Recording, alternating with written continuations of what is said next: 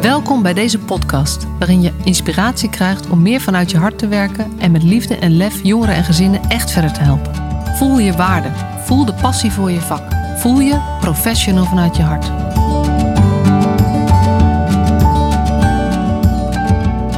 Voor je het gesprek induikt dat ik heb met Tije Koopmans en Groenal Mahmoud, wil ik heel even je aandacht nog vragen voor de Positivity Award ik ben, dat weet je waarschijnlijk al, genomineerd voor de meest positieve onbekende Nederlander vanwege de, uh, de inzet die ik heb binnen de jeugdzorg.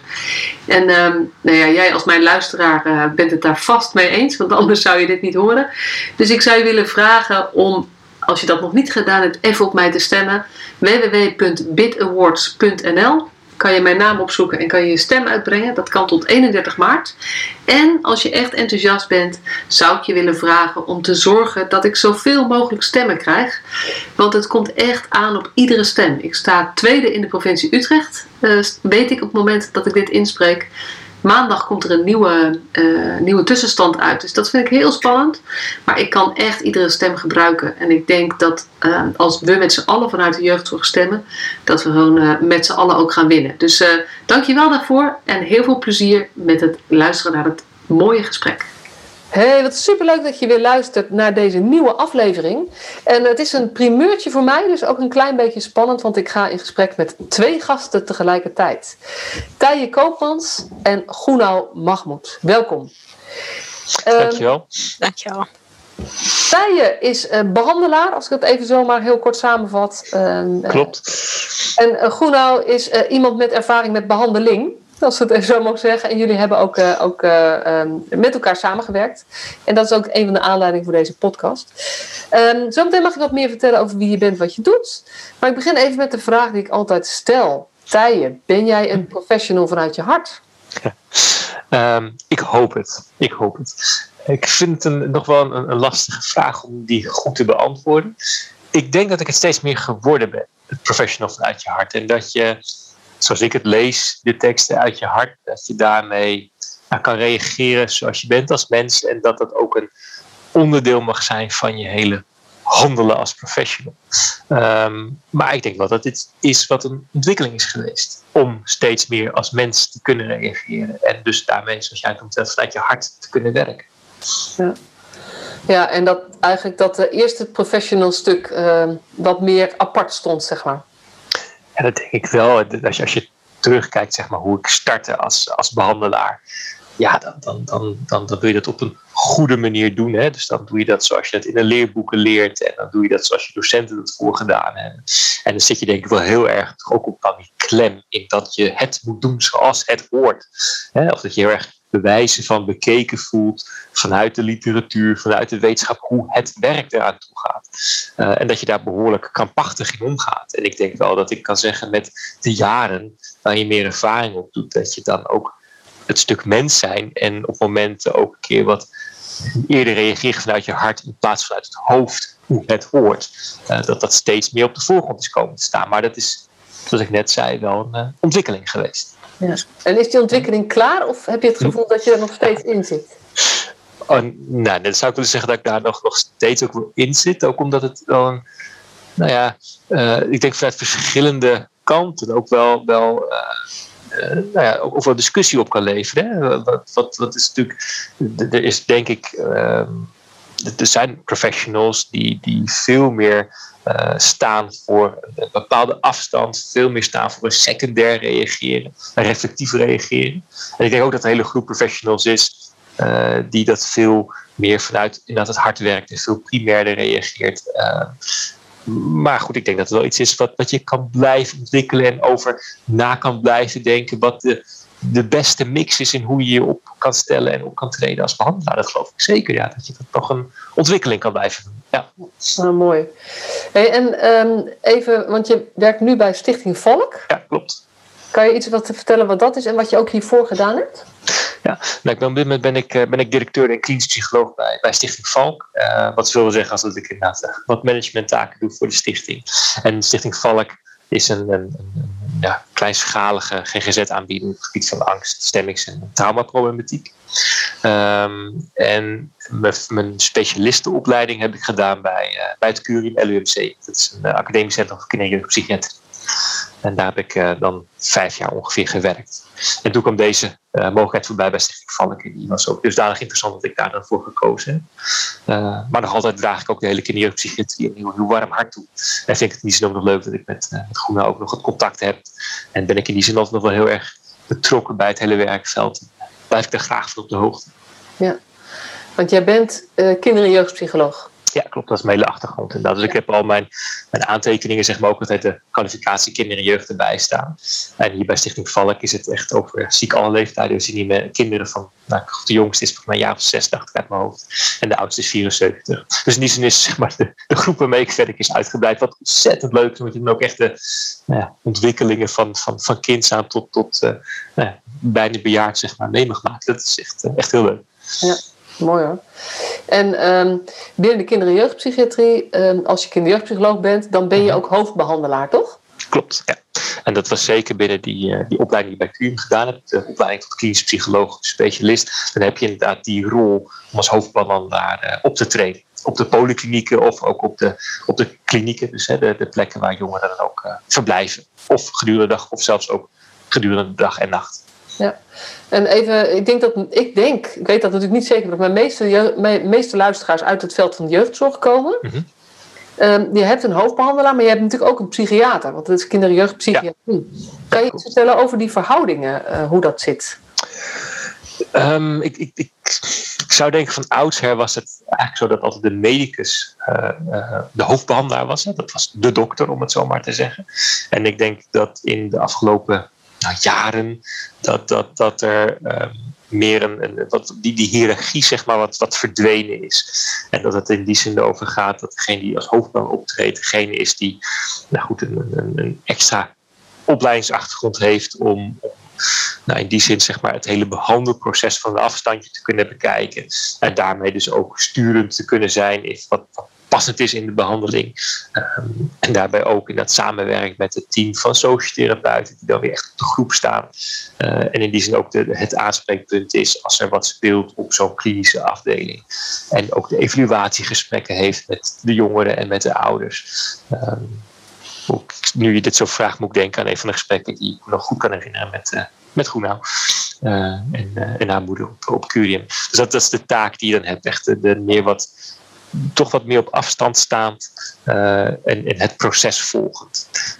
en dat vond ik een, als je dan moet ik denken aan jouw eerste vraag, ook wel een, interessant um, spanningsveld, mag ik het zo noemen. Van de ene kant hoor je dat op afstand te staan, hoor je die rol te hebben van hè, de professional, als ik het zo mag zeggen. Aan de andere kant merkte ik ook heel graag het contact te willen hebben met die jongeren op de groep. En ja, als je me vraagt of je nou het leukste momenten, dan zou dat eerder de lunches zijn geweest op de groep, dan dat het de evaluatiegesprekken waren met de jongeren en de ouders.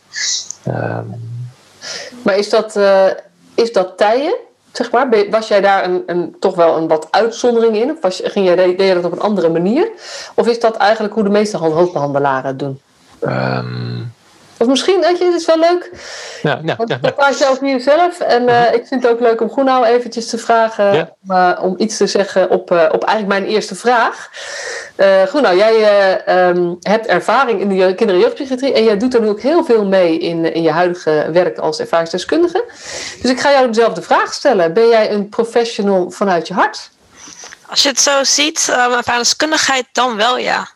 Uh, ik probeer alles te doen met liefde. Ik probeer ook mensen te helpen. Ik heb ook wel eens nu één op één gesprekken met jongeren gehad over um, hoe kan je het best bijvoorbeeld met zelfschadiging. En dan merk je toch wel dat ze het toch liever van mij aannemen dan van een professional. Want ik, ze weten, je bent ermee gestopt. Dus dan, dan zou het ook wel misschien werken. Um, en dan zie je ook toch wel dat het soms echt wel vermindert, bijvoorbeeld. En dat vind ik altijd wel tof om te zien. Ja, en waar zit dan het profession? Want het is uh, anders dan alleen maar met een vriendin zeg maar kletsen. Dus waar, waar zit het professionele stukje voor jou dan in? Nou ja, echt die gesprekken zijn ook echt gewoon uh, mensen die ik ook niet ken. Dus het zijn geen vriendinnen. Het zijn echt, uh, dan ga ik echt online gesprekken met ze doen van bijvoorbeeld een uur, anderhalf uur. En dan gaan we echt samen kijken van bijvoorbeeld waar komt het vandaan? Waarom doe je het? hoe zou je kunnen stoppen? Zijn de beloningen die je achter kan zetten? En dat soort dingen. Ja. Maar ook, uh, ik ben ook heel veel in gesprek met de gemeentes over het beleid, over ook voor de jeugdhulp. Uh, in het algemeen dan ook jeugdzorg en jeugd GGZ. Uh, ja, ik heb ook wel eens met Sanne Dekker gezeten, ook over, maar dan ging het meer over de jeugdig plus. dat soort dingen ja, doe ik ook allemaal. Maar dat doe ik echt allemaal met liefde. Want ik heb toch, ik zie liever wat er met mij fout is gegaan. In plaats van dat ik boos ben daarover, wil ik liever dat ik het in goed, iets in goeds omzet. En dat het voor de andere jongeren in de toekomst wel beter wordt.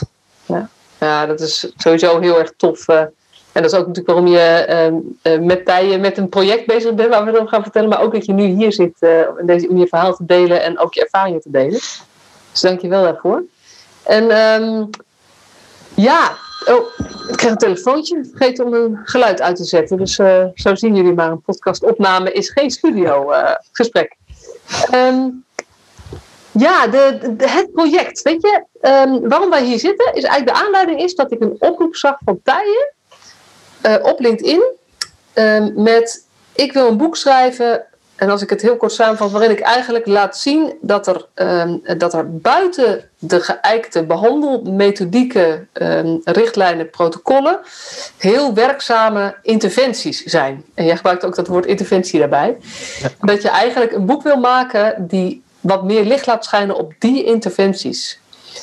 Ja. Um, en uh, uh, nou ja, wij, wij spraken elkaar daarover. Ik vind dat natuurlijk helemaal tof. Want ik geloof daar ook in dat buiten de lijntjes uh, misschien wel de mooiste dingen gebeuren. Mm-hmm. Um, kan je iets vertellen waarom je tot dit idee van dit boek bent gekomen? En wat jouw drive is om daar wat mee te willen doen? Ja. Natuurlijk. Ja, dan moet ik eerst natuurlijk zeggen dat ik het boek ook, ook, zeker niet alleen maak. Het is een initiatief vanuit, uh, vanuit Psy-expert en met twee redactieleden uh, van, van Psy-expert uh, zijn we dit project gestart. En de aanleiding, ja, ik denk dat we al met z'n allen al wel langer over fantaseerden. Over, en zouden we wat meer kunnen vertellen over wat zich nou afspeelt in therapiegesprekken in de behandelkamer. En inderdaad is nog zoveel meer te vertellen dan enkel hetgene wat uh, evidence-based is, zoals dat met zo'n dure Engelse term heet, of wat in de, in de boeken beschreven staat. En zou het dan niet mooi zijn om ook, ook, nou, meer te laten zien van nou, wat er aan interventiemogelijkheden zijn. Of dingen waarvan je achteraf zegt, hé, hey, dat was gewoon eigenlijk een menselijk moment. En het blijkt zo'n enorm positieve impact te hebben gehad op uh, nou goed, de samenwerking en op, uh, op het hele beloop zeg maar, van de behandeling. Um, dus dat project zijn we toen inderdaad met elkaar gestart. En de aanleiding daarvoor is geweest het verhaal van, uh, van Groena en mij. Uh, dat hebben we eerder hebben we daar een publicatie over gedaan in, uh, in Psy-expert ook. Waarin uh, ik Groene eigenlijk weer na zoveel tijd opnieuw interview over hoe het met haar gaat. En Want even, het, even ja? jullie kennen elkaar van Curium. Klopt, ja. Ik heb daar toen in de tijd dat Curium, of sorry, dat, dat Groene opgenomen was op Curium, toen was ik hoofdbehandelaar in die periode. En zo hebben we elkaar toen de tijd leren kennen. En ehm, dat was een, een intens leuk, leuk, leuke periode. Hoe ik denk dat Groene moet het over haar stuk natuurlijk ook uh, dat vertellen. Maar uh, we hebben toen ook op een gegeven moment ook nog, nog meegemaakt dat er uh, mogelijk een documentaire gemaakt zou worden over het leven op Curium en het werk op Curium. dus in die zin hebben we veel ook met elkaar in dat kader ook opgetrokken. Ja. Ja, want nou ja, goed, dat is een, supermooi bruggetje natuurlijk. Ehm, jij bent Tijer daar tegengekomen. En je hebt nu nog contact met hem. Dus dat zegt op zich al iets. Kan jij iets vertellen over wat, wat gebeurde er? Waarom jij het ook waardevol vindt om nu uh, nou ja, hier aan mee te doen en samen met hem uh, te denken over dat boek? Ja, dat is wel een redelijk moeilijke vraag. Nou, ik vind sowieso Thijs zo'n toffe mens. Ik ga echt niet met zoveel behandelaren om. Want uh, de meeste behandelaren denk ik ook van... Dat je hoeft eigenlijk ook geen contact meer te hebben. Um, maar dat is natuurlijk bij Thijs echt heel anders geweest. En ja, sowieso de aanleiding van het verhaal natuurlijk ook de Porsche. Maar ook dus natuurlijk de documentaire die we opgenomen hebben. En wat voor verhaal is dat van de Porsche? Oh, ja, nee, we, Tije was een keer met een Porsche op, uh, op Curium. Daar was hij super blij mee. Nou, je bent zo rijk, Tije, dat je een Porsche hebt. Nee, nou ja, toch dat, dat, me eerlijk erbij vertellen, zoals zeker mensen. Dat, uh, dat je, nee, ik had inderdaad die Porsche uit het leven van een goede vriend van mij. Die, uh, uh, die, die, die verhuisde terug naar, naar Engeland. En die Porsche die die, die hield ze nog even een tijdje hier in Nederland. Dus die heb ik toen een tijdje mogen lenen. En inderdaad, ik, ik vind mooie auto's wel erg leuk. Dus dat was inderdaad waarom Groene terecht zegt dat ik daar dan zo trots mee aan kwam rijden op Curien. Uh, als ik dan uh, in die auto zat voor een aantal weken had ik. Ja. Nou, toen uh, sowieso even kort. Ik kwam van Harreveld vandaan en toen ging ik naar Curium toe. Ik had geen vertrouwen meer in de behandeling en vooral niet meer in de behandelaars en eigenlijk heel het team. Ik had daar geen vertrouwen meer in, want ik dacht iedereen is toch hetzelfde. En ik ben al vier jaar opgenomen, dus het zal je ook hetzelfde zijn. Nou ja, dus sowieso ging ik dus vragen aan de groep, uh, kom we gaan Porsche kijken. En toen ging de hele groep, en eigenlijk wou ik niet gaan, maar omdat iedereen daarheen ging, toen dacht ik, ik moet ook gaan, eigenlijk een beetje op die manier. Dus toen ging ik en toen uiteindelijk bood Tije aan om een rondje te rijden.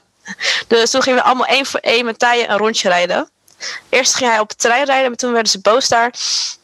Uh, want ja, je mag niet met een Porsche zoveel geluid maken op een behandelterrein. Uh, daarna ging ik, was ik als de laatste en toen gingen we, moesten we weg. Want hij mocht niet meer op het terrein rijden. Dus gingen we even een rondje buiten, buiten terrein rijden, snelweg op. Ja, gewoon op het moment was het mij gewoon, ja, ja, echt heel waardevol. Het was niet meer dat ik een behandelaar zag, maar gewoon, ja, het was wel echt al kort, dat wel. Maar ik zag wel gewoon wel een persoon. En dat was wel voor mij echt wel, ja, het heeft wel geholpen in mijn behandeling. Want ik had natuurlijk ook geen vertrouwen meer in de behandeling, niks meer. Uh, dus ja, net wel nu aan de behandelaars. Hey, en um, was ook jouw hoofdbehandelaar op dat moment? Ja. Dus jij zat gewoon met, met wat in jouw beleving gewoon eigenlijk de man die alles bepaalt, maar jou niet kent. zeg maar, dat is even ja. het vertaal. En die van alles, uh, zeg maar, uh, ja, heeft allemaal geen zin, want ze luisteren toch niet. Een beetje dat is als je ervaring. Ja. Je had niet ervaren. En toen zat je bij Tije in die Porsche. En toen voelde je ja, dat is meer achteraf, maar toen, toen merkte je opeens, hé, hey, dit is anders of zo. Ja, eigenlijk wel ja. Want dan zie je toch niet meer ja, die behandelaar. Want ik heb natuurlijk wel eerlijk met zoostherapeuten gehad, maar die staan niet meer zo. Die staan gewoon, als je het zo bekijkt als jongeren dan, staan de zoostherapeuten echt heel laag. En de behandelaars echt heel hoog. Die zijn echt ja, heel belangrijk in de behandeling. Dus die zijn altijd heel professioneel. En ja, het was wel gewoon ja, een hele andere ervaring met een behandelaar. En dat vond ik ook tof om te zien, want dan. Als ik eerlijk mag zijn, eerst dacht ik dat ja, sociotherapeuten, psychologen, psychologen eigenlijk geen leven hadden buiten curium. Of tenminste bij, bij het buitenbehandeling. En ik dacht altijd, het teven van hun is alleen maar behandelaar zijn. dus ja, dan zit toch echt een ander stukje mens. Ja. Ja, precies. Dus, dus gewoon doordat jij daar, weet je, als je al, je zei geloof vier jaar was je al uh, opgenomen? Dus dat is natuurlijk hele lange tijd en dan wordt je wereld zo klein. Uh, en je ziet zo ongelooflijk veel mensen die iets met jou en van jou willen, zeg maar. Dat op een gegeven moment die mensen worden ook een soort van, uh, uh, nou ja, dat is je omgeving geworden. En je hebt bijna geen zicht meer op wat er buiten gebeurt. Ja. Dus drie jaar, geen vier jaar, sorry. Oké. Nou, dat scheelt heel veel. hey, en, uh, en je zegt van dat moment van die Porsche, weet je, toen wat bij jou. Maar wat was daarvan dan, wat, wat merkte je daar dan in, uh, in daarna? Ja, het ging gewoon makkelijker, de gesprekken.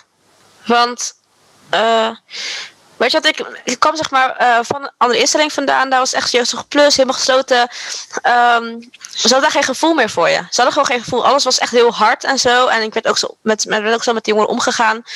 En vooral die laatste ervaring, voor ik naar Curium ging. Ja, maakte ook dat ik gewoon niet meer met, met ja, behandelaars eigenlijk wou praten. Ik ging wel naar Curium heen omdat ik eigenlijk daar weg wou. Dus ik ging eigenlijk met het idee ook erheen van, ik kan in ieder geval daar weg. En, uh, maar met die Porsche heeft het wel gemaakt dat ik met, met, met dus op het moment ook beter gesprek kon voeren. Ik weet niet of dat voor ook zo was. Ja, het, het, is dat een heel, heel leuk moment geworden. En wat achteraf inderdaad zo'n uh, zo verschil heeft gemaakt. En, en dat denk ik precies wat we dan beogen met dit project en met, met dit boek. Dat je, uh, nou goed, er kunnen zich dingen voordoen in het menselijke uh, contact. Uh, hè, want uiteindelijk is, je kan, kan het heel formaliseren wat dan psychotherapie is. Of wat dan de rol van de cliënt of de patiënt, de hoofdbehandelaar is. Maar uiteindelijk kan je het ook helemaal terugvoeren op het zijn twee mensen met elkaar in gesprek. Of twee mensen die met elkaar in contact zijn. Um, en nou, achteraf kunnen dan ook dingen gebleken zijn die daarin helpend of, of, of, of, steunend zijn geweest. en als ik er naar terugkijk, Rob, dan kan ik me nog echt goed herinneren, dat moment herinneren hoor. We zaten daar te lunchen ook met elkaar en dat waren de momenten die ik sowieso erg leuk vond om, uh, om daarbij aanwezig te zijn. En ik herinner me die dag nog wel, het was inderdaad uh, het was grijzig weer, slecht weer. Um, en, de sfeer zat er ook nou niet per se heel, heel, heel lekker in. Um, ja, en, en, en, en niet per se heel erg overdacht, maar wel met even, god, laten we iets doorbreken van die sfeer. En die Porsche kwam toen ook ter sprake, of die week ervoor. En toen, jongens, kom, dan gaan we even een stukje lopen. Even met z'n allen fris neus aan en kijken naar die auto. En, en ja, als ik daarop terugkijk, besef ik me ook wel, dan, dan werd ik ook enthousiast. En ook wat mee laten voeren in het moment, zeg maar. Dat een aantal mensen die auto wel leuk vonden, Groene vonden geen zak aan, maar goed, dat maakt niet uit. En een aantal mensen vonden het wel leuk, dus dan, dan doe je de deur open, dan kijk je erin. En dan kon ik me ook zo voorstellen dat ik uh, het ook heel erg leuk had gevonden als, als de rollen precies omgedraaid zouden zijn geweest. Um, dus vandaar dat we toen ook bekeken, nou goed, dan start je de motor en ach, laten we een stukje rijden. Uh, en met het groene net vertelde, ja, ik vind het ook wel weer spannend, want ik weet zeker dat ook, ook genoeg collega's zullen zijn die, die, die vinden dat dat iets is wat je niet hoort te doen. En, en, en daarmee ook, de titel die we voor het boek gekozen hebben, Off the Record. Het is eigenlijk iets uh, wat toch heel waardevol lijkt te zijn geweest achteraf. En, en waar je denk ik allemaal positief op terug kan kijken. Maar het is wel iets waar, waar ook iets van gevonden wordt. En, en, en daarmee dus die, die, nou ja, wat uitdagende titel van Off the Record. Het is iets waar je niet per se uh, nou, wat je heel hard van daken schreeuwt, maar wat toch denk ik heel boeiend is om, om over te delen en het gesprek over aan te gaan. Ja, want, want hoe reageerden je collega's op, dit, uh, op jouw enthousiasme? Laten we het maar even zo noemen. Wisselend, wisselend. Ik, ik denk dat, dat hè, de mensen met wie je regelmatig optrekt, dus het sociotherapeuten-team en, en de collega hoofdbehandelaar, nou, dat verder wel een grappige, leuke actie vonden en, en er verder niet zo heel veel, uh, heel veel van vonden. Maar dat wat Groene zei, ik, ik weet dat het op een gegeven moment uh, dat een van de beleidsmedewerkers uit het hoofdgebouw gelopen kwam, midden op het, op het parkeerterrein staat, zijn hand ophief als een soort verkeersagent en, en vroeg te stoppen. En dat ik toch ook van schrok, shit, uh, ben ik nou iets heel onhandig aan het doen wat helemaal niet kan of helemaal niet, niet, niet zo hoort. Um, uh, en wat nog wel grappig was, wat, wat ook in misging, was dat de directie het dacht dat ik de jongeren in die Porsche liet rijden. Omdat het een, uh, het was een rechtsgestuurde Engelse auto. Uh, maar van afstandje zie je mensen dus dan de jongeren links zitten. Dus ze dachten dat de jongeren achter het stuur zaten en die auto over het verkeerd rijden. dus, dus daar was nog een aanname werd gemaakt die nog even wat extremer maakte dan, dan wat er werkelijk aan de hand was. Um, maar goed, ik heb toen daarna wel een gesprek gevoerd inderdaad met mijn, met mijn opleider ook weer over ja, de vraag van is, is, is, is het passend om te doen of niet? Um, en, en dat, dat je dus, dus ook er tegenaan kan houden op het moment dat je op die manier uh, zoveel van jezelf laten zien of je beleeft in die zin een moment waarin je van mens tot mens bent, dat het lastiger zou kunnen zijn om daarna uh, als hoofdbehandelaar weer een besluit te nemen wat misschien die jongeren heel onprettig zou vinden. Noem wat in een crisissituatie om maar na te denken. Maar denk jij dat ja. ook? Maakt dat het lastig? Nee, ik denk dat niet. Nee, absoluut niet. Ik geloof dat niet. Ik, ik, denk dat je op een hele prettige manier met elkaar om kan gaan, die, die heel menselijk is. En dat je vanuit diezelfde menselijkheid ook op momenten daar waar het nodig is, hè, wel een keer boven het geheel kan staan en dan misschien een besluit kan nemen die op dat moment niet zo gewaardeerd wordt, maar achteraf wel het beste besluit is. Dan heb ik het bijvoorbeeld over een crisisplaatsing op de acute afdeling of uh, nou, een noodzakelijk gesprek met, met een ouder of, et cetera.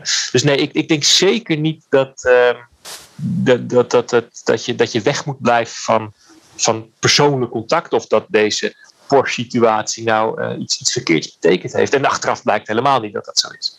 Maar dat wist je toen nog niet natuurlijk. Weet je, deze, dit is natuurlijk achteraf veel besproken. Uh, achteraf is, ja, klopt. En dan kan je inderdaad... En met het contact met nou, zeg maar, uh, heb je dat ook echt kunnen, nou ja, doorakkeren en, en helemaal, ja. uitkouwen zelfs, zeg maar. Ja, ja zeker. Ja. ja. Jij wilde graag reageren, Goedaan. Ja, nee, ik wou even op reageren van inderdaad dat, dat je ook soms boven kan staan. Dan kan ik wel beamen, want ik heb volgens mij twee keer tijdens diezelfde opname dan een crisisplaatsing gehad, inderdaad met acute opname. Mm-hmm. Maar dan kon ik het ook makkelijker hebben.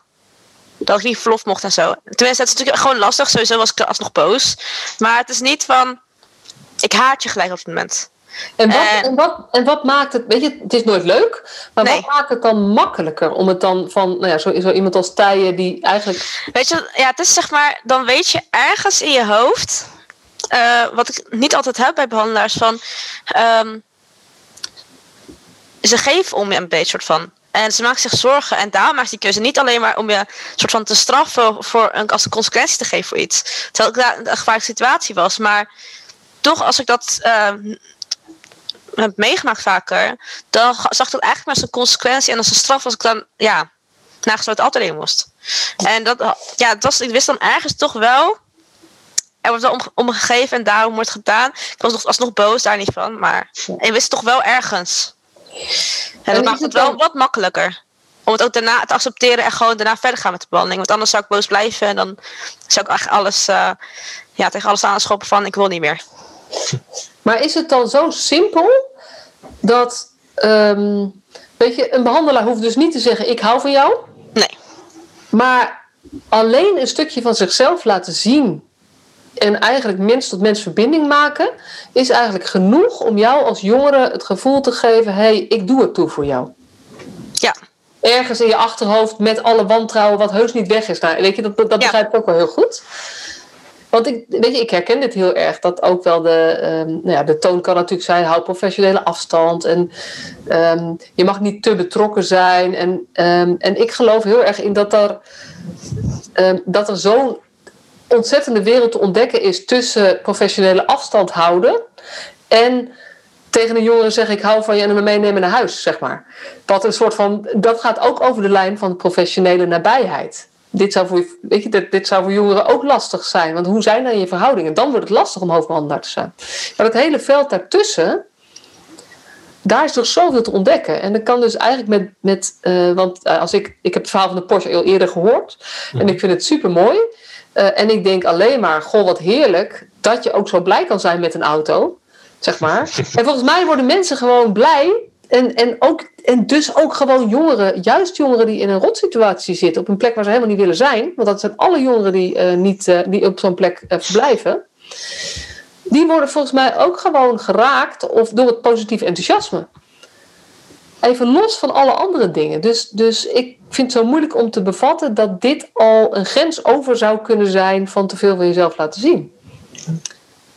Ja, ik hoop ook met, met hè, hoe wij nu over spreken en, en dat je inderdaad hopelijk dit boekproject naar tot stand kan komen met de verhalen die, die de collega's in het veld over te delen hebben.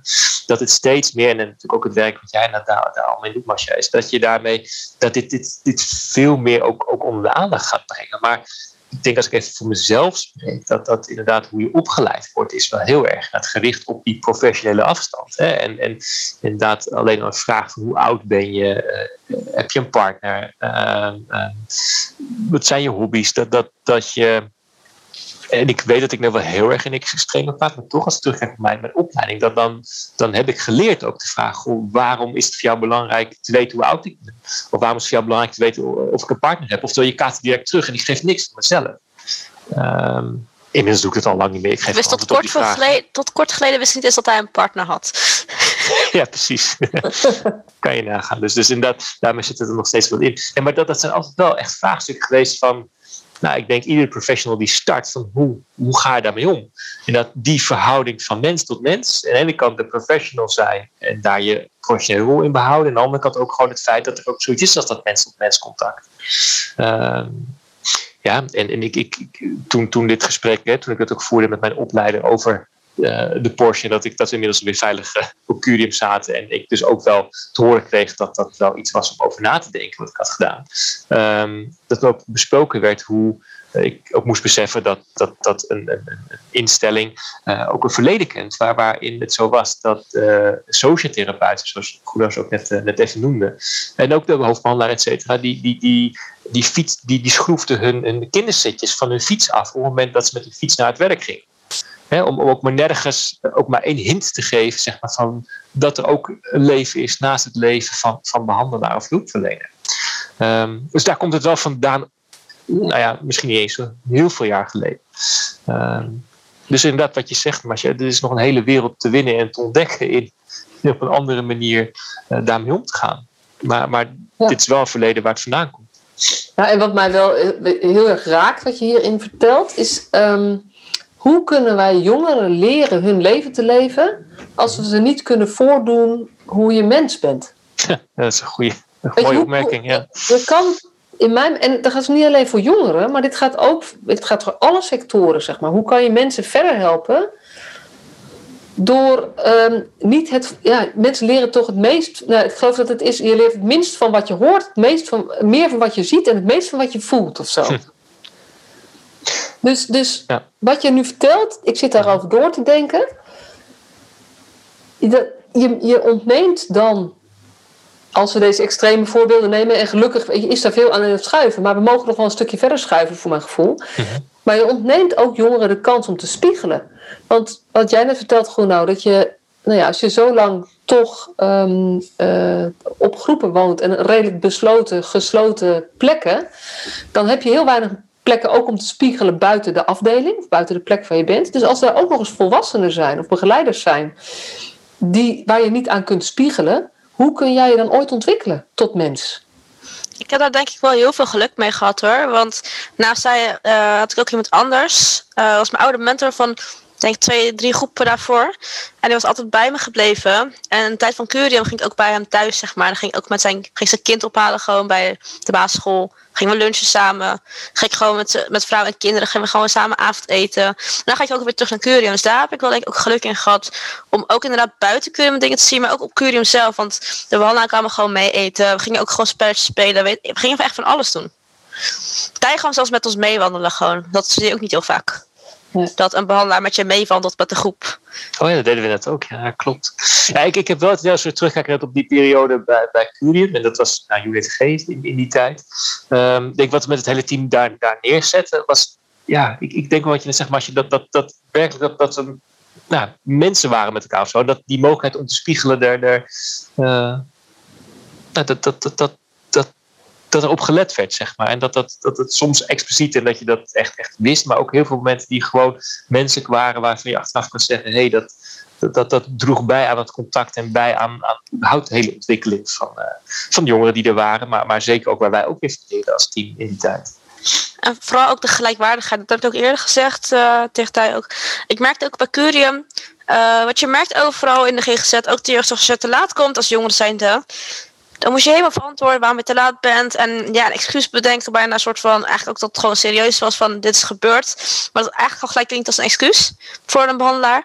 Wat ik bij Curium was, en dat vond ik echt altijd heel mooi. Ik, even, ik geef altijd deze voorbeeld aan mensen, is um, als jongeren te laat komen, dan moesten we, uh, moesten ook voor de hele groep ons verantwoorden. Ook via, voor het hele team. Ook van de sociotherapeut tot behandelaar. Maar als een psychiater of tijden te laat was, dan mocht ik ook aan hem vragen: waarom ben je te laat? Hoe ga je het de volgende keer anders doen? um, nee, wat kon je nu anders doen? En wat ga je de volgende keer anders doen? En vind ik het wel goed waarom, wat, wat hij voor reden opgeeft? Ja. En dat was niet alleen voor de jongeren, maar ook voor de behandelaar. En ook voor de psychiater, weet je, eh, echt iedereen moest dat gewoon doen. En dat was ook gewoon, ja, deze voorbeeld geef ik echt aan iedereen, want dat vond ik altijd zo mooi om te zien. Ja. Want het stond allemaal gelijk, want het was niet van wij zijn behandelaars en wij zijn, jullie zijn jongeren. Ja, maar dat is ook heel mooi wat je vertelt, dat dat dan zo, uh, zo uitpakt. Ja, die gelijkwaardigheid denk ik. Uh, weet je, mijn, mijn, ik heb natuurlijk zo'n hele officiële missie al heel lang over nagedacht. En ik had eerst alleen liefdevollere uh, hulp aan jongeren en, en gezinnen. Maar ik heb er ook gelijkwaardig aan toegevoegd. Omdat we kunnen heel liefdevol zijn, maar als dat is doordat wij weten wat goed is voor de ander en dan heel lief, dan, dan nog maar help je iemand niet om zijn, zeg maar, nou ja, zelfkrachtiger te worden of zo. Dus die gelijkwaardigheid heb je ook nodig om, om je eigen plek te vinden. En dit zijn hele mooie voorbeelden. Als jij ter, zeg maar, nou ja, weet je, ter verantwoording geroepen wordt voor vijf minuten te laat, of een consequentie krijgt voor vijf minuten te laat, vind ik het wel super mooi als je dezelfde vraag mag stellen aan de psychiater. Die vijf minuten te laat is. Uh, en uh, nou ja, dat zou wel leuk vinden als jongeren dan consequenties mogen bedenken. Ja, dat mocht ook. Dus we mochten ook bij wijze zeggen. Ik weet niet meer wat, wat je allemaal kon bedenken qua consequenties. Volgens mij voor de psychiater, dat was niet tijden, maar had ik iets bedacht van dat ze een keertje mee moest lunchen. Volgens mij was het te laat was. En dat moest ook komen, want dat was haar consequentie. Ja, ja. precies. Ja, en, wat, en wat doet dat met jou? Met, weet je, nu is het, ik vraag het aan jou, maar wat doet dat met jullie als jongeren? Als je zo zeg maar, bereid bent om ook verantwoordelijkheid te nemen voor je eigen gedrag als, als uh, uh, groepsleider of sociotherapeut of psychiater? Wat ik merk, want ik heb natuurlijk ook heel veel groepen gezeten, de samenwerking tussen jongeren en de behandelteam is echt veel beter. Wat je merkt is eigenlijk, uh, op andere groepen was het altijd van, als een groep uit kwamen, dan was het gelijk stil. Was het natuurlijk bij ook wel zo, maar meestal kwamen hun ook, mochten hun ook gewoon lekker erbij zitten, gingen ze gewoon met ons meekletsen. Maar wat ik, dat is gewoon echt in alles merkte ik gewoon dat dat echt wel heel veel voordeel deed voor heel veel jongeren op de groep. Ja als ik echt vergelijk met andere plekken waar ik ook binnen de GGZ, ook binnen de jeugdzorg. En ja, nee, het, het was gewoon top. Ook vooral als transparant en alles waren ook. Ja. Dus, uh, nou, wat ik altijd zeg is, uh, Curium En mijn wandeling dus bij Tijen was de succesvolste behandeling die ik ooit gehad heb. Ja. Nou, dat en is dat, wel heel tof sowieso voor Curium ook om, om dit te horen. Maar ook uh, dat je er zo op kan terugkijken. Ja, maar het, ook was ook gewoon, ja, het was ook een ander gevoel van behandeling. Het was niet meer van uh, je moet behandeld worden en wat ik echt al de hele tijd probeer te zeggen, wij staan hier boven jou en jij bent de jongere en klaar. Een cliënt die op een groep zit. Dat was er niet. Er was bijvoorbeeld een voorbeeld, iemand wou iets zeggen tegen een sociotherapeut over mij. Hebben ze gelijk gezegd nee, dat mag niet, terwijl ik het wel wist. Was gelijk nee, goed, nou moet er ook bij zijn als je iets wil vertellen aan ons. En al die dingen maakt eigenlijk gewoon, of ja, gaat mij gewoon heel veel vertrouwen in. En betekende dat voor jou ook, uh, weet je, in mijn, in mijn ik weet, niet, ik weet niet of jij mijn boek kent, maar ik heb een boek geschreven. Ik heb hem wel gezien. Uh, heb ik een hoofdstuk over uh, verbind je met anderen. Dan heb ik een tekening. Ik heb hem hier liggen. Ga, kan ik jou lekker laten zien. Mensen die, die nu meeluisteren, als je de tekening niet kent, lees het boek. maar dat is deze tekening. Er staan twee poppetjes op en twee, met twee muurtjes erin. En dat als je connectie wil maken, zitten die twee muurtjes. Het ene muurtje is van jou, zeg maar, dus van, van jou als professional. En het andere muurtje is van de jongeren. En wat ik zeg tegen al die professionals is: als jij graag de ander zou willen bereiken, moet je beginnen met je eigen muurtje naar beneden doen en kloppen op het muurtje van de ander. En dan kan diegene op een gegeven moment het vertrouwen krijgen om dat muurtje te laten zakken. Maar daar ga je niet over. Maar dat is eigenlijk wat ik jou wil vertellen. Doordat zij dat deden, kreeg ik weer wat meer vertrouwen. En durfde ik, nou ja, ging ik voorzichtig weer wat meer vertellen en, en ook daardoor weer stappen zetten. Nee, precies. Dat is gewoon, ja, precies hoe je het uitlegt, is het gewoon zo. Ja, ja mooi, mooi. En dat, weet je wat, dat vind ik ook wel. Uh, wat ik zo tof vind aan het initiatief om zo'n boek ervoor te maken. In mijn beleving, waar we de meeste winst kunnen halen, is niet nog meer bedenken hoe we jongere ouders, gezinnen beter kunnen helpen met welke methodiek of, of behandelprotocol um, bij welk probleem. Maar veel meer kijken, hey, hoe kunnen we professionals helpen om meer de sleutel te zijn, zodat hetgene wat je allemaal weet en kennis ook, um, uh, nou ja, dat degene die je probeert te helpen ook naar jou wil luisteren.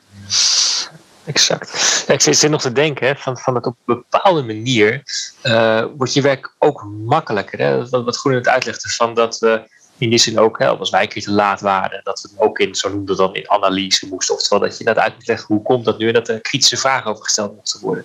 Het, het maakte voor mij ook dat je daarbij nou, ook gewoon kon laten zien dat ik ook maar mens ben en het ook niet altijd weet of, of ook, dingen niet goed doe. Uh, waardoor ook, moet ik het zeggen, een bepaalde, zo heb ik het althans ervaren hoor, maar dat een bepaalde um, rol of zo die je, waarvan je dacht dat je die aan moest nemen en waar je ook wijze van krachtig aan vast moest houden en dus ook nooit mocht laten zien dat je iets niet wist of dat je fouten maakte of wat ook, dat je dat los kon laten. En dat je daarmee dus daardoor zoveel effectiever kon worden, omdat je zo van jezelf was. En, en, en dat heb ik ook heel prettig gevonden in, in, die periode, hoe we dat met elkaar op de, op de, op units toen vormgaven. Dan heb ik het echt over met elkaar, het team, maar net als de jongeren. We waren met z'n allen een team wat daar, daar stond voor een taak. Um, en, en, juist, juist inderdaad op die manier ook, ook op gelijkwaardige manier ook op zaken aangesproken kunnen worden. Of je ook als er bepaalde regels waren waarvan je met elkaar afspreekt, dit is functioneel voor de groep, dat ook allemaal doen. Uh, het, maakt het eigenlijk zoveel makkelijker. En hetzelfde is ook, denk ik, eh, waar het boek ook over zal gaan, over de verschillende off-the-record acties of, of uh, keuzes die gemaakt zijn, die denk ik wat meer voortkomen uit uh, het, laten gaan van de muurtjes en het, mens tot mens of het hart tot hart, uh, dat, dat, dat het, het werk makkelijker wordt. Uh, omdat je simpelweg, salingstekens, meer jezelf bent en dat het menselijke contacten mag zijn. Plus dat dat een, nou, zo blijkt ook, uh, en dat zal ook ongetwijfeld gaan blijken uit het boek, dat dat een heel positief effect heeft op de behandelrelatie zelf. Dus het wordt van alle kanten makkelijker. Als professional wordt het makkelijker, denk ik. Het, het wordt makkelijker omdat het meer resultaat gaat bieden. Um, dus in die zin is dat ook een hele ja, kant van ontwikkeling van een professional net zo. Die kant. Ja, het is, dus ik maak heel erg de link naar dat, dat als je vanuit je hoofd en je kennis probeert anderen te helpen. Um, maar je loopt tegen die muur op, zeg maar, mhm. terecht. Want ik begrijp heel goed, dan ervaar je als professional ook weinig voldoening. Uh, en ik denk dat, dat op deze manier, dat is ook mijn persoonlijke ervaring, en ook voor heel veel mensen terugkrijg, dat het werk als professional, het wordt misschien makkelijker en het wordt vooral ook veel, ik zeg altijd, het wordt, ik maak je werk niet makkelijker, want er komt veel groter grijs gebied, maar ik beloof je wel dat het veel leuker wordt. Ja. En het wordt luchtiger op een bepaalde manier. Want ik, ik vind zeg maar dat voorbeeld wat jij net noemde, Groenau, ik vind het echt geweldig. Ik zie het al voor me, een psychiater die vijf minuten te laat is. En die eigenlijk op het matje mag komen bij de groep om uit te leggen waarom dat zo is. En daar zit natuurlijk een vorm van humor in. Ehm, en humor of luchtigheid of zo, zeg maar. Want anders is het altijd, nou ja, zeker psychiaters, dat kan gewoon best wel zwaar zijn. Of de behandelaar, dat kan best wel zwaar voelen allemaal voor iedereen. Is dat ook? Als je kijkt naar hoe wij soms als jongeren wel eens over behandelaars, als we dezelfde behandelaar hebben, dan niet bij Curium, maar echt wel ook op andere plekken, ook die ambulant, ze roddelen over de psychiaters of de psychologen. Dan was dat echt heel anders. Want bij wij zat bij Curium over gingen roddelen. Dan ging het meer over echt, uh, ja, weet je, de normale dingen dan de behandelzaken, zeg maar, dat aan het roddelen waren. Ja. ja, dus het maakt, het maakt wat luchtiger of zo en daarmee ook gewoon wat dichter bij je gewone leven. En ik denk dat, dat, dat die insteek gewoon helpt om, uh, nou ja, dan, dan ben je ook als jongere, kan je eigenlijk meer focussen op, hey, waar, wat, wat wil ik zelf eigenlijk? Omdat je de hele tijd aan aan het kijken bent van, nou, wat, wat moet ik met al die volwassenen die van alles van mij moeten? En met wie wil ik wel wat en wie wil ik niet wat? Dus dat het je ook helpt om eigenlijk meer ja, in actie te komen, klinkt dan meteen zo actief, maar meer bezig te zijn met je eigen, uh, ja, ik hou niet van het woord behandeling, maar je eigen traject of zelf, met je eigen leven. Ja, en vooral dat vertrouwen geven. Want wat je merkt in de opnames is dat wel heel veel jongeren echt heel lang opgenomen zijn. In de, in de, ja, vooral in deze tijden, 2021 al. Want de wachtlijsten zijn enorm. Dus je wordt van plek naar plek gestuurd eigenlijk omdat er de goede plek eigenlijk een hele wachtlijst heeft. Dus wat je merkt is dat het vertrouwen weg is in, in, in ja, een behandelteam. En dat, wat Curium deed was gewoon heel mooi. Als je ook aan al die jongens die er echt het vertrouwen weg zijn, zoals het bij mij ook was, dan heb je ook gewoon een veel betere behandeling. En ik kan gewoon nu echt gewoon, gewoon zeggen, Curium was gewoon mijn succesvolste behandeling. Het heeft echt heel veel voor me gedaan. In die, ik ben wel wat lang opgenomen geweest dan de zes maanden, denk acht maanden uiteindelijk. Maar die acht maanden tegenover mijn drie jaar, dus wat daarvoor was, heeft dat veel meer gedaan. Ja. En, en als je kijkt voor jezelf en terugkijkt, wat was nou het meest succesvol? Dan noem je de dingen waar we het nu over hebben. En dan is het niet over zij hadden de beste gesprekstechnieken nee. of de beste dingen. Nee, want uh, over... ze hebben waarschijnlijk allemaal dezelfde opleiding gevolgd. Dus uh, nee, het zal, uh, het zal het niet wezen. Dus het, dat, dan zit het verschil in waar we het nu over hebben. Ja. ja, nou super mooi. Hey, we zitten een beetje aan het einde, dus ik denk dat we even moeten, uh, moeten afsluiten met, uh, met wat uh, voor Tijen echt belangrijk ook is. Want ehm, jij wil heel graag dat boek maken. Ja. Met 50 ervaringsverhalen. liefst van de behandelaar en degene die behandeld is. Absoluut, ja. Ik, weet je, ik hou van die termen, dat, nou ja, daar hebben wij nog wat Dat is lastig, hè? Ja. Ik kan er helemaal vanaf willen. Ja. Uh, dus je hebt een oproep. Klopt. Ja, dit, ja, je, je, je, je bereidt hem helemaal voor. Of helemaal inschieten. Dat is precies waar we nou op zoek zijn. We hopen dat we een boek kunnen gaan maken. Waarin we inderdaad het verhaal kunnen vertellen over wat heeft zich afgespeeld binnen gebruik ik het woord nog maar even een keer, een behandeltraject. Uh, en, en dat je dus inderdaad daarmee ook de focus gaat leggen op net die andere zaken die bijdroegen of die uh, tot een succes konden maken, die anders zijn dan wat je altijd leest in de protocollenboeken en in de theorieboeken. En dat je daarmee uh, een beeld gaat schetsen van hoeveel meer psychotherapie, behandeling, hoe je het noemen wil, kan zijn. en vooral ook daarmee hopen we de lezers te kunnen inspireren. En dan is het ontzettend leuk als je daarmee zowel hè, het perspectief van degene die in de rol van behandelaar zit, kan horen. En dat je ook het perspectief kan horen van degene die in de rol van cliënt of patiënt zat. Dat die twee mensen samen uh, hun visie geven over wat nou helpend is geweest in het behandeltraject. En wat nou net even ging over iets anders dan wat in het protocollenboek beschreven stond. Dus vandaar dat we die titel of the record hebben, hebben gekozen. Uh, wat dus niet echt dus, uh, formeel is, is beschreven, maar wat op een andere manier enorm succesvol is gebleken, vaak ook achteraf, in zo'n traject. En daar, uh, daar roepen we dat, daarvoor op en we hopen dat vanuit alle nou, gebieden zeg maar, van hulpverlening, of het nou de psycholoog is die op ene met de cliënt werkt, of dat het nou uit de jeugdzorg komt, of dat het uit de klinieken komt, of wat het, maar dat ieder een verhaal uh, ja, in kan sturen wat daarover vertelt. Ja, ja. En je bent ook echt. Het, het, ik hoor natuurlijk veel van dit soort verhalen. Ik ben daar ook wel naar op zoek, omdat ik ook merk dat ze inspirerend zijn. Um, en het zijn vaak verhalen die zeker op het moment zelf op het randje zitten of vragen oproepen bij collega's. Dus waar. ehm, Ja. Tije wordt heel even gestoord tussendoor, maar volgens mij is het gelukt om dat. eh, dus dat leidt mij dan weer af. Ja. Ehm, om ook, de, zeg maar, op dat moment zelf, toen jij met die Porsche reed en Mhm. het gesprek daarna met de directie, dat is even niet zo prettig voor zo'n professional of die moment dat dat voor jou dan is. En zeker Nee. omdat je dan nog niet weet, zoals je nu wel weet, wat het, eh, wat het effect ervan geweest is. Nee. Waarvoor je het niet hebt gedaan. Dus het zijn vaak dingen die je gedaan hebt, misschien uit je mens zijn of omdat Mhm. je voelde dit was nodig. eh, Exact. maar het is nergens opgeschreven, het is niet direct te toetsen en mensen vinden er wat van. Heel vaak zijn het zulke soort voorbeelden en die wil jij eigenlijk graag bundelen. Zeker. Ja, en, en inderdaad, omdat dat van gevonden wordt, is het soms ook wel spannend om erover te delen. Eh, en vandaar ook die term inderdaad, dat off the record. Hè. Het, is, het net een beetje in een ja, spannender grijs gebied, maar juist daarom mateloos interessant. En dat wat je zegt, je kan sommige dingen heel wel overwogen van tevoren bedacht hebben. Andere zaken zijn toch weer net even wat minder door, doordacht, maar blijken uiteindelijk een effect te hebben gehad. En ja, goed, ook voor ons verhaal van Groen naar mij. Hè, voor deel kan je zeggen, er was wel een bepaalde intentie om naar die Porsche toe te gaan. Uiteindelijk heb ik me ook in het moment wat mee laten slepen. Eh, en, en, en achteraf eh, kan je zeggen, god, dat moment met die Porsche was heel waardevol voor onze, onze relatie, onze werkrelatie die we hadden. En, en Maar kan ik ga even onderbreken, want het Ja, was niet het feit dat je naar die Porsche toegelopen bent om hem te laten zien. Nee, Maar zeker ik niet. denk, wat het, Ja, als, ik, als ik Groeno goed beluister, eh, wat het verschil maakt, is dat jij je hebt laten laten meeslepen. En dat jij daar gewoon zelf enthousiast was. Precies. En dat je samen dat moment dan beleeft. De gezamenlijk, de interventie die jij bedacht had, Ja. was niet hetgene wat het effect heeft gehad. Nee, zeker niet. Nee, nee. En daar Kijk, en, gaat eh, om.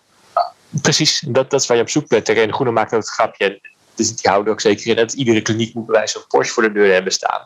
Eh, en en dat, dat staat helemaal niet voor die Porsche. Het staat erom dat je met elkaar in de rollen die je hebt mens kan zijn. En dat juist dat, dat, dat stuk wat zich dan op dat moment voordoet, dat dat nou net dat, dat hele waardevolle kan zijn. Wat uiteindelijk ook een heel verder proces aan kan jagen, kan ondersteunen. Ja.